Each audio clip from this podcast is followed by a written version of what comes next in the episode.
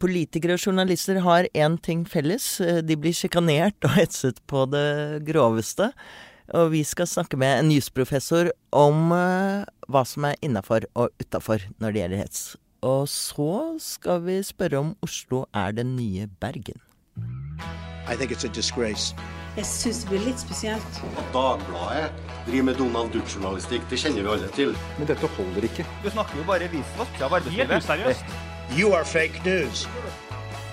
Go ahead. I dag skal vi snakke om noe så hyggelig som uh, hets mot både politikere og journalister.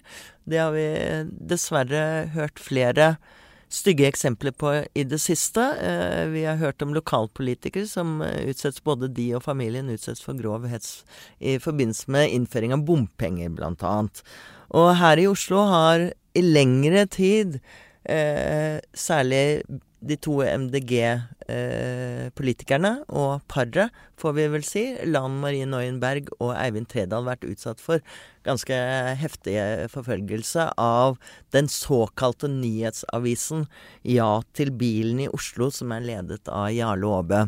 Og kollega Martine Aurdal, hva er det egentlig med Lan Marie Berg, for det er vel hun som er i fokus her? Ja, hun er er jo blitt et uh, veldig både sterkt kort uh, for MDG, der hun smilende profilerer partiet og den grønne bølgen som jo har tatt ungdommen og, og også velgerne med storm. Men hun har også blitt et yndet hatobjekt både for fordi hun, hun, symboliserer dette med bilfri byen og satsing på kollektivtrafikk og, og syklister bort med bilene. Eh, så hun får alle de som er politisk uenige med henne. Men hun har også en sånn der appell som, som noen politikere har, som er litt sånn eh, elsk eller hat eh, for mange. Og hun er jo dermed en av de som opplever aller mest hets og hat av norske politikere i dag. Og øh, føye til at hun er øh, tilhører en etnisk minoritet, og det blir ofte fremhevet i sjikanen og hetsen av henne. Ja, hun har jo blitt utsatt for veldig grove trusler og veldig grov sjikane helt siden hun uh, først begynte å framstå i offentligheten. Og en del av dette har jo vært helt klart uh, rasistisk motivert i tillegg. Hun har jo også fått dømt en tidligere varaordfører fra Frp i en nabokommune her for nettopp rasistisk hets. Men kan du nevne noen eksempler på hva som denne aksjonen Ja til bilen i Oslo, eller Nyhetsavisa som den kaller seg, de, hvordan de driver? Ja. Det er jo, det kall, det er jo registrert i Brønnøysund med navnet Nyhetsavisen Ja til bilen i Oslo. Men det er jo først og fremst en Facebook-gruppe drevet av Jarle Aabø. Den har 23 500 medlemmer og en egen nettside. Og der florerer det med poster og saker. Uh, rettet særlig mot uh, Eivind Trædal og Lan Marie Noen Berg. Uh, men en slags besettelse, vil jeg si. Det er definitivt en, en personbesettelse. Altså, uh, tematikken er jo for så vidt helt streit og er den samme som, som bomaksjonister over hele landet er opptatt av, med til dels drøye virkemidler der også. Men her i Oslo, på denne Facebook-gruppen spesielt, så er det et helt klart personfokus som fører til voldsom hets mot uh, dette unge paret. Uh, Jarle Aabø har jo også meldt seg inn i MDG. Han har kjøpt nettstedet eivindtrædal.no for å bruke det i valgkampen. Han publiserer paparazzi-bilder tatt av paret på strandferie. Stjeler deres private bilder og bruker dem. Og er opptatt av hva slags barnevogn de har, hva den koster, og, og konfronterer dem nå om de vil benytte barnevakt når de skal i bystyremøter etter at Lan Marie er ferdig. Som, som var feil, som var fake news, at de fikk uh... Ja, altså hele saken viste seg jo å være fake news, og nå har jo uh, Lan Marie Noen Berg, som uh, jo har en baby på bare fem uker, gått hardt ut for å dementere disse falske nyhetene. Og det er jo nesten man kan spørre hva er det egentlig meningen man skal tåle når man sitter der som nybakt mor, selv om hun er byråd og har, har, valgt den offentligheten. Men hun er beintøff, da. Det må jeg si. Ikke sant. Eh, jeg foreslår at vi rett og slett spør en ekspert, som vi er så heldige og kan gjøre i denne podkasten. Vi ringer ikke en venn, vi ringer en ekspert. På Skype fra Bergen denne gangen har vi med oss jusprofessor Hans Fredrik Martinussen ved Universitetet i Bergen. Du eh, har, eh, er engasjert i ytringsfrihetsspørsmål og, og har skrevet eh, en del om hva som er innafor og utafor når det gjelder netthets. Og jeg lurer litt på hva skal egentlig til for å bli dømt for netthets og sjikane? Det virker som om du må komme med rene drapstrusler, nærmest, hvis det skal skje noe. Altså, det er veldig situasjonsbestemt. Det er klart, det skal lite, relativt lite til hvis man hetser privatpersoner, tidligere ektefelle, eller uh, venner man har havnet i klammeri med, og, og f.eks. sender disse meldinger, eller så Det å plage folk generelt uh, skal ikke så fryktelig mye til. Det skal riktignok en del til, men, men, det å hetse andre det er i utgangspunktet straffbart etter straffelovens paragraf 266 hvis det pågår over litt tid og, og og ikke er helt sånn uskyldig i formen. Men når det gjelder akkurat politikere og offentlige personer, Eh, så eh, ligger listen en god del høyere. Eh, vi har ikke veldig mye rettspraksis på det, som også kan tyde på at det ikke er så mange saker som, som blir tatt for domstolene, nettopp fordi man mener at her må listen ligge ganske høyt.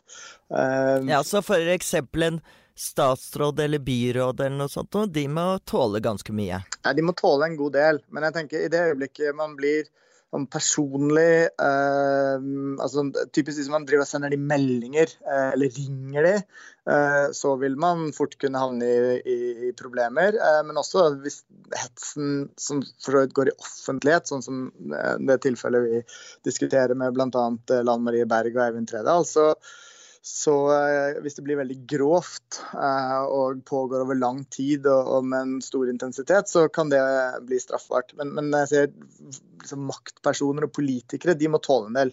Vi har ett godt eksempel fra Høyesterett, eller godt og godt. Det som er, er nærmest, er en, en, direktør i UDI som til stadighet da, fikk tekstmeldinger eh, med tanke på norsk asylpolitikk, eh, og, og, en som var svært fortvilet over unge afghanske menn som ble sendt eh, tilbake til Afghanistan, og, og der dette var pågikk i såpass stort omfang og såpass varighet at Høyesterett sa at sånn kan man ikke behandle folk, selv om de er måte, maktpersoner og, og, og fronter en, en, en, politikk eh, og et eh, byrå som, som har eh, en posisjon som de gjør at de må forvente kritikk. Nettopp. Og du skrev i en uh, twittermelding her forleden at, at etter din vurdering så er Åbes uh, stadig løgnaktige hets av Eivind Tredal og Landberg eh, har overskredet grensen for det straffbare etter straffelovens paragraf 266. Ja. Hvorfor tenker du det?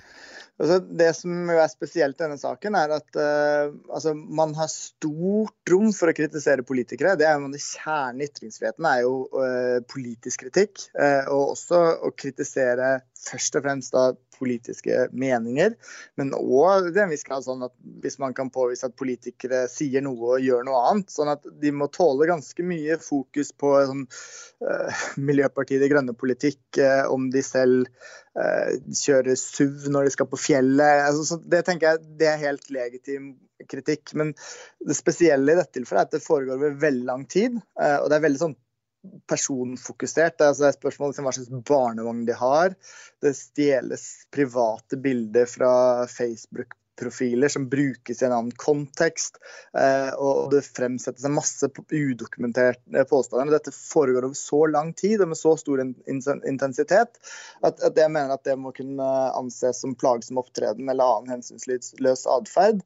Uh, som da krenker en annens fred, som er straffelovens uh, formulering. Uh, og Det må selvfølgelig veies opp mot ytringsfriheten, men det er ikke veldig mye i det Jarle Aabe driver med, som har krav på et sterkt vern under ytringsfriheten. Vi må også passe på demokratiet, og at folk orker å, å, være politikere.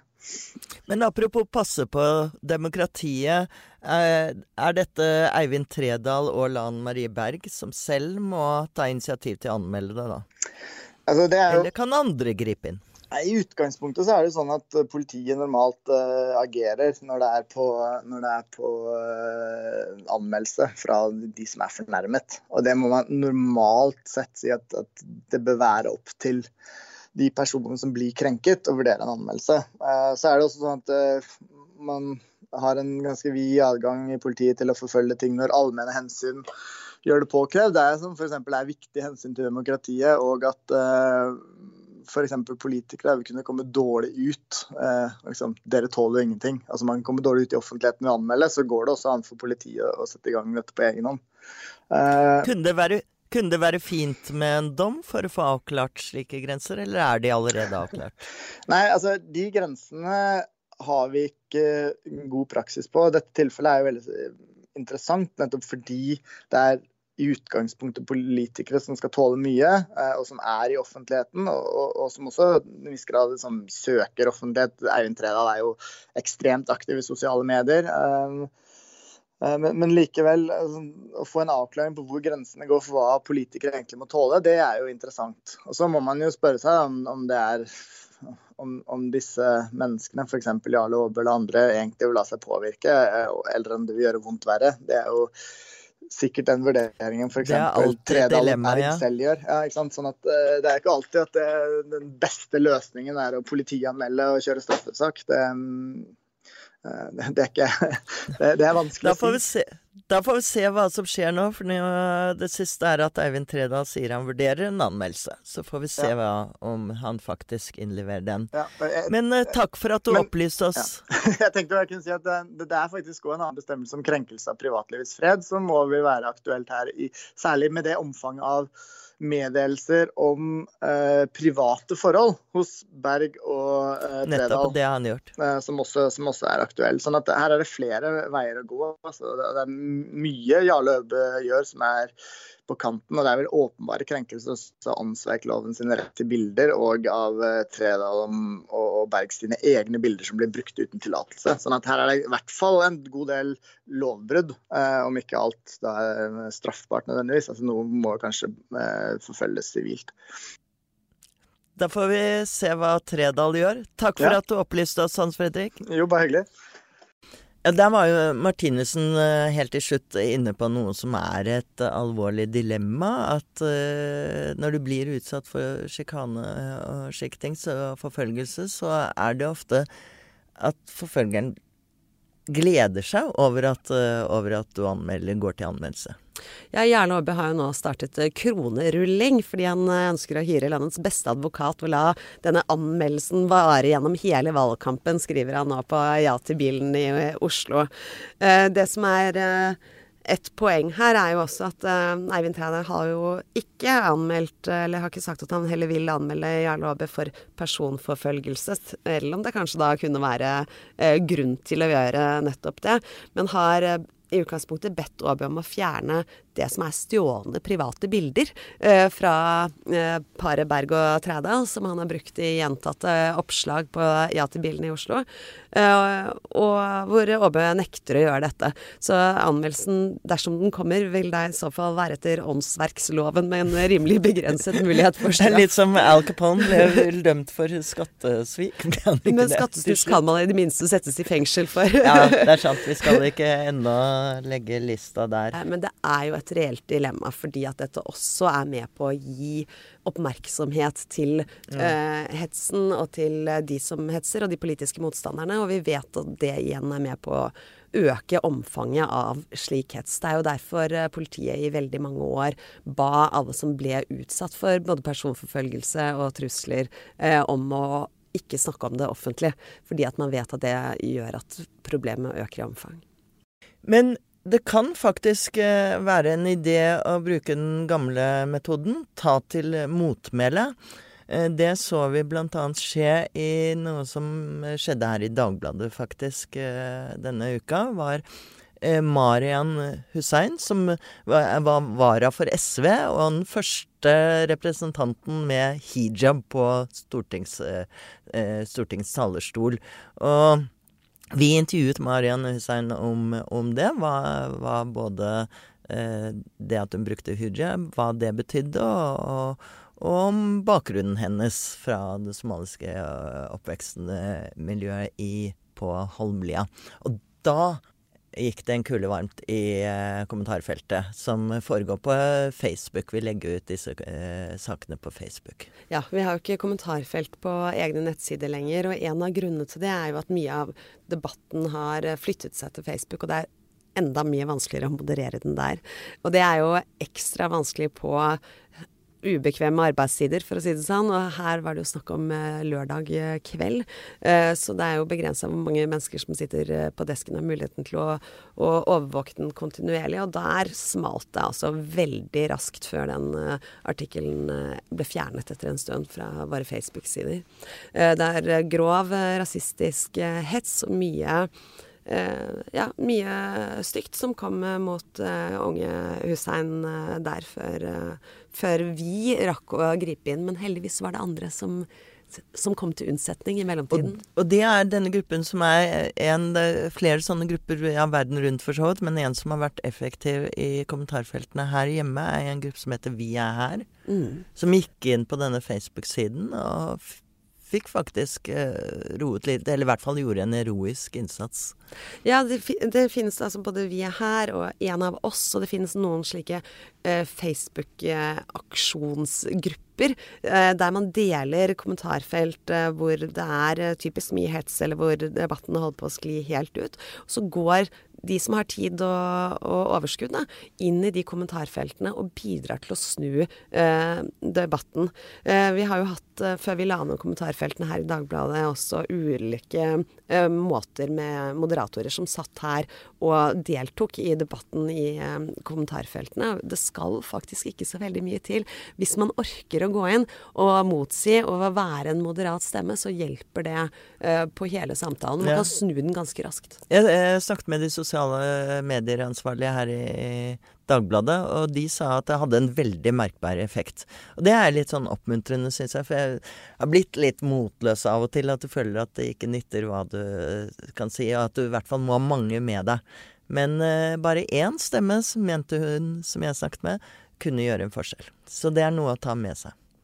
Og helt til slutt så eh, kan vi jo nevne at uh, journalister utløser ikke bare hets, men, men uh, mottar også hets. Uh, Harald Klungtveit, tidligere Dagbladet-medarbeider, nå uh, sjef i Filter nyheter, ble hetset og sjikanert på det groveste, og truet, ikke minst, av en nynazist som han skrev om. Og han nynazisten ble nå dømt til 30 dagers ubetinget fengsel. Bra. Bra. Jarle Aabø har følgende kommentar til innholdet i denne podkasten. Nyhetsavisen Ja til bilen i Oslo produserer ordinære nyhetsartikler om samferdsel i Oslo, og våre kommentarfelt har alltid vært stengt. Vårt debattforum på Facebook, Ja til bilen, sliter med det samme som statsministeren, Dagbladet og alle andre aktører på Facebook, de stygge nettrollene. Vi har identifisert over 400 troll som er blokkert fra våre spalter. Vi har tolv moderatorer som sletter upassende innlegg løpende. Dette er innlegg ingen kan forhåndsgodkjenne. Undertegnede leder redaksjonen, og jeg har 20 års bakgrunn fra norsk presse, blant annet ti år i Dagens Næringsliv, der Marie Simonsen var en kjær kollega, og vi har aldri utsatt noen for hets.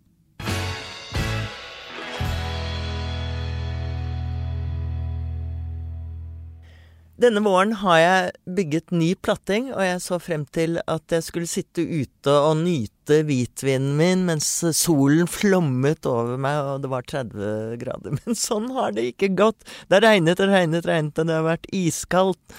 Og nå begynner jeg å lure rett og slett på om Oslo er i ferd med å bli Bergen. Dette er eh, Sånn kan vi ikke ha det innenfor Ring 2. Det er vi i Oslo-eliten helt skjønt enige om. Men det er mulig at jeg tar feil på dette punktet også. Og Derfor skal jeg spørre vår klimajournalist og surfer per excellence, Anders Fjellberg. Hallo. Hei igjen. Ja, hei. Kan du oppklare, er Oslo i ferd med å bli Bergen? Um, hvis jeg hadde vært uh, faktisk.no, uh, jeg prøvde å gjøre en sånn kjapp faktasjekk på, på ti minutter her på, på påstanden din, og um, jeg tror jeg ville sagt Det er en slags blanding av delvis riktig og delvis uh, feil. Det fins en, en, rapport som har sett på hvordan været i Norge kommer til å utvikle seg fram mot 2100. Og sånn, det, det gjennomgående trekket da, er at det, det, blir våtere i hele Norge. Eh, så det blir våtere i Oslo. Så Oslo blir mer Bergen. Men Bergen blir også mer Bergen, hvis du kan si det på den måten. Uh, og andre steder blir enda mer Bergen. Andre steder blir også enda mer Bergen. Det er helt, helt riktig. Så det er uh, riktig våtere, villere og alt dette her. Men noe av det, det får du alltid hver gang du påstår sånne ting. Så sier de at uh, nei, dette er ikke klima, dette er vær.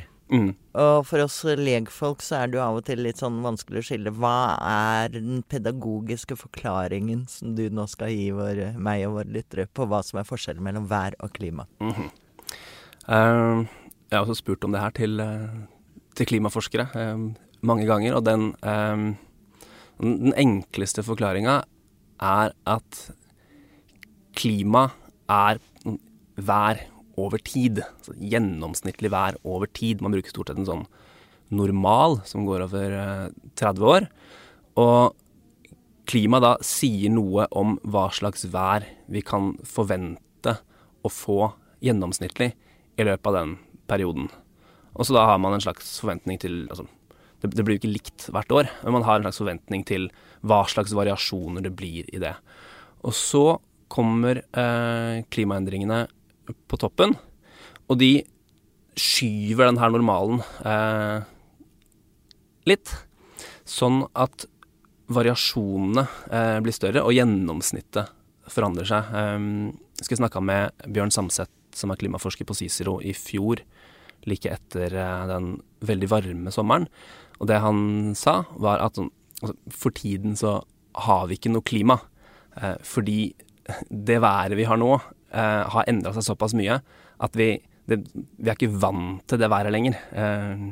Så, og det er vanskelig å måle den over tid, når, det har skjedd så store endringer på kort tid. Ja, når, når endringene skjer på, på kort ja, tid, så, ikke, så, så, har vi ikke noe sånn normalt å forholde oss til lenger. Og det fins um, um, det, det, vanligste spørsmålet er sånn uh, når det skjer en eller annen stor værhendelse som hetebølgen i fjor på den nordlige halvkule. Uh, er, sånn, er det vær, eller er det klima. Og det fins folk som prøver å regne på det her. Jeg leste en sak om en studie i går som hadde sett på nettopp den hetebølgen i fjor. Og det de gjør, er at de eh, lager en masse datasimuleringer eh, av en verden uten de menneskeskapte klimaendringene, altså med temperaturøkningen vi til nå har fått.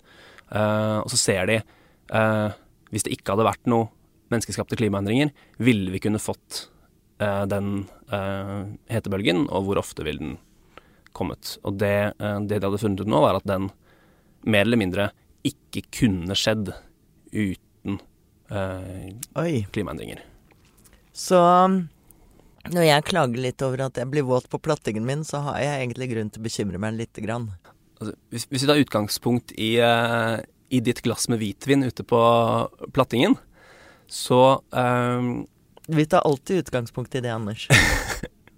Eh, ja. Eh, altså Statistisk sett over tid så ser det ut til at det vil bli mindre hvitvin på plattingen til Marie Simonsen. Som kan være altså, en, en helseeffekt eh, for, for deg. Glemte å si at han er eh, Akan-ansvarlig her i Dagbladet. men du bør være forberedt på mer regn. Men det betyr jo da ikke at det kommer til å være dårlig vær eh, alltid. Det så vi i, eh, i fjor. Altså, det som er litt rart, at tørkehendelser er også blant de tingene som man regner med vil kunne skje oftere pga. klimaendringer. Det jeg egentlig er mest bekymret for, er at ikke at Oslo skal bli som Bergen, men at vi skal bli som bergensere. Det tror jeg ikke dette landet kan. Det holder med bergenserne som er i Bergen. Mm. Hallo, Bergen, jeg elsker dere. Uh, Trude Drevland også, som skrev på veggen min at jeg ikke trengte å bekymre meg. Men det er jo heller ikke bergenserne som, uh, som har mest regn og har mest å klage på. What? Uh, nei da. Uh, det er Skal vi se, jeg henta noen andre tall her. Og hvis vi tar på, på terrassen din, så, så, kommer det i, i underkant av, av 1000 millimeter nedbør i året. I Bergen litt i overkant av av 2000. Men så er det noen sånne fjellområder eh, på Vestlandet, rundt noen Visste breer. jeg det ikke. Ålfoten blant annet regner det helt sinnssykt mye i. Eh, så det er steder på Vestlandet hvor de ikke har noen særlig målestasjoner, oppe i fjellet, hvor de regner med at det regner Eller årsnedbøren er på opp mot 5000 millimeter, så det er um, dobbelt så mye da, som det regner i Bergen. Ålfoten, er det mange som bor der, eller er det Eh, det er sånn krøkkete å komme dit, for du må, du må ta noe ferge og noe greier. Eller, jeg, jeg har bare vært der når jeg kjørte feil en gang. Eh, Så folk slipper å bo der. Vi vi må kanskje gi bergenserne litt rekorden for, for byer, da, kanskje. De er i hvert fall gode til, til å profilere seg på, på nedbøren, og det regner jo selvfølgelig også mye i Bergen. det. Dere kan, eh, kan få den, Bergen, at dere er fortsatt den mest regntunge. Men nå må det slutte å regne i Oslo. Fordi jeg må ut på plattingen min i helgen. Og dere andre får også nyte helgen. Og takk til deg, Anders, for at du nok en gang var klimaekspert og surfer. Bare hyggelig.